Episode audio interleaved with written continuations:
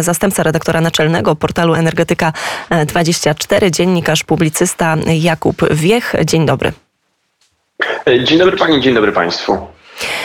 Polskie firmy y, podpiszą dzisiaj kolejne już porozumienie ze stroną amerykańską, które będzie dotyczyło współpracy przy budowie elektrowni e, jądrowej. Mógłby Pan opowiedzieć nieco więcej o tym, co zawiera to porozumienie i też co ono oznacza? Czy, e, czy to jest tak, że raczej już jesteśmy bliżej tej współpracy Polski właśnie z Ameryką?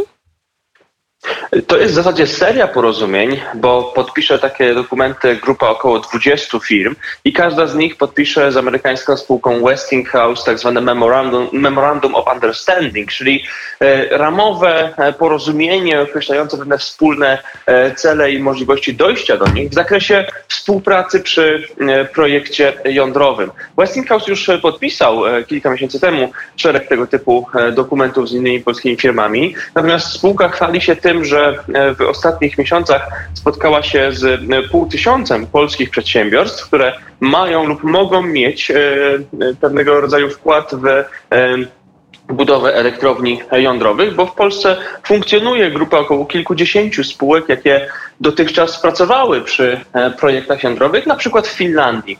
E, więc teraz e, spółka podpisuje kolejne takie porozumienia.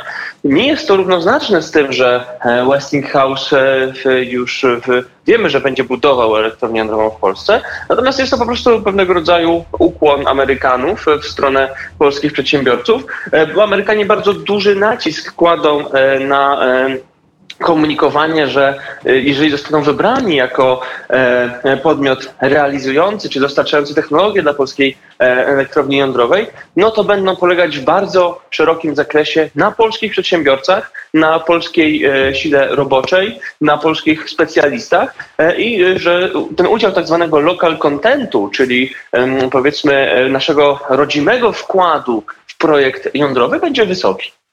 A to jest, e, to jest bardzo e, istotne. To w takim razie spójrzmy teraz jeszcze na sytuację energetyczną. Najpierw e, przyjrzyjmy się Europie. To jest tak, że kolejne kraje Unii ogłosiły no, kampanie oszczędnościowe. Na przykład Dania czy Węgry chcą ograniczać ogrzewanie pomieszczeń zimą. Włochy dodatkowo skróciły sezon grzewczy. Proszę powiedzieć, jak pan ocenia, czy to jest dobra strategia, wystarczająca być może na tą zimę tak, a co jeżeli konflikt na Ukrainie się przedłuży i co e, za rok? To jest obowiązkowa strategia dla wszystkich państw Unii Europejskiej, moim zdaniem, bo wiemy, że w nadchodzących miesiącach Europejczycy nie będą mieli dostatecznie szerokiego zasobu energetycznego, by zaspokoić swoje zapotrzebowanie. Wiemy to chociażby po deficytach w dostawach gazu z Rosji do Unii Europejskiej, które są w tym momencie najbardziej palącym problemem e, unijnej energetyki. E, I żeby poradzić sobie w tych nowych okolicznościach energetycznych, musimy rozsądniej gospodarować zasobem, które mamy. E, I oszczędności polegające na minimalizacji zużycia energii, chociażby poprzez e, ograniczenie temperatury, ale też e, poprzez odłączanie e, podmiotów czy obiektów niekoniecznych z punktu widzenia gospodarczego, takich właśnie jak oświetlenie budynków nocą, no to jest e, krok e, konieczny. To jest coś, co powinniśmy zrobić, żeby energii starczyło dla tych podmiotów, które najbardziej rzutują na poziom naszego życia. Przede wszystkim chodzi tutaj o przemysł, chodzi o transport, więc to są w tym momencie kluczowe filary gospodarki, które powinniśmy otoczyć najszerszą ochroną. I tutaj kluczowy wpływ mogą mieć gospodarstwa domowe, czyli ta grupa odbiorców energii, która jest najlepiej chroniona, jeżeli e, mówimy o potencjalnych e, ograniczeniach e, czy odłączeniach dostaw nośników energii.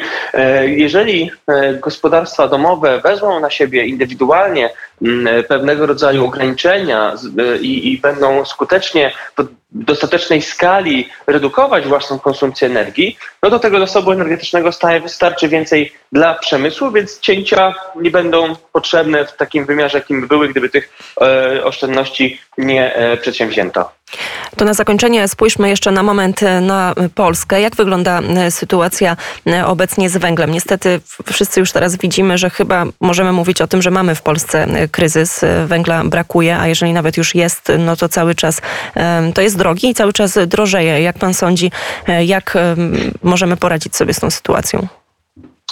Mamy kryzys, który e, jest kryzysem logistyki węgla, bo węgla do Polski zakontraktowano dosyć dużo. Te kilkanaście milionów ton, które płynie do naszego kraju albo już dopłynęło, to jest wolumen surowca większy niż e, ten, który zaimportowaliśmy w roku ubiegłym. Natomiast e, jeżeli chodzi o te problemy, które się pojawiają, to jest to konsekwencja złego planowania tych dostaw w stosunku do naszego zapotrzebowania. Rząd najprawdopodobniej przespał trochę, jeżeli chodzi o czas dzielący od e, wdrożenia embarga w kwietniu tego roku na zakontraktowanie, do, do momentu zakontraktowania dostaw e, węgla wypełniających lukę po surowcu rosyjskim i przez to nasze porty się przetkały. To można porównać do sytuacji, w której na e, wąską uliczkę przekierowujemy nagle bardzo duży ruch samochodowy, no to tworzą się korki. I te korki sprawiają, że e, nie wszyscy mogą dojechać na czas. I tak samo ten węgiel, który dopływa teraz do Polski, nie może dotrzeć na czas do wszystkich składów. Jego dostawy będą po prostu rozwleczone e, w zasadzie na cały sezon grzewczy.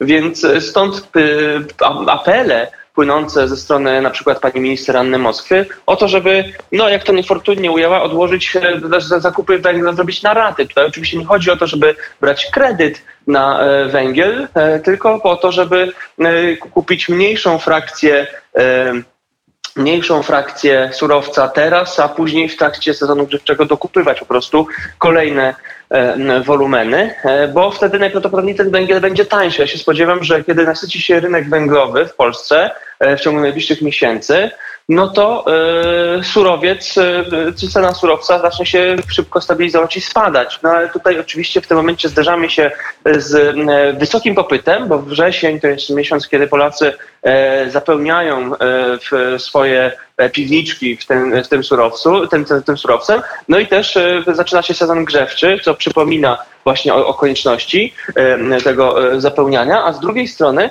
e, mamy też jeszcze na barkach no, cały czas deficyty dostaw, więc ta cena jest naprawdę bardzo wysoka. Bardzo serdecznie dziękujemy za komentarz. Jakub Wiech, dziennikarz, pisarz, zastępca redaktora naczelnego portalu Energetyka 24 był gościem Radia Wnet. Jeszcze raz dziękuję. Dziękuję serdecznie.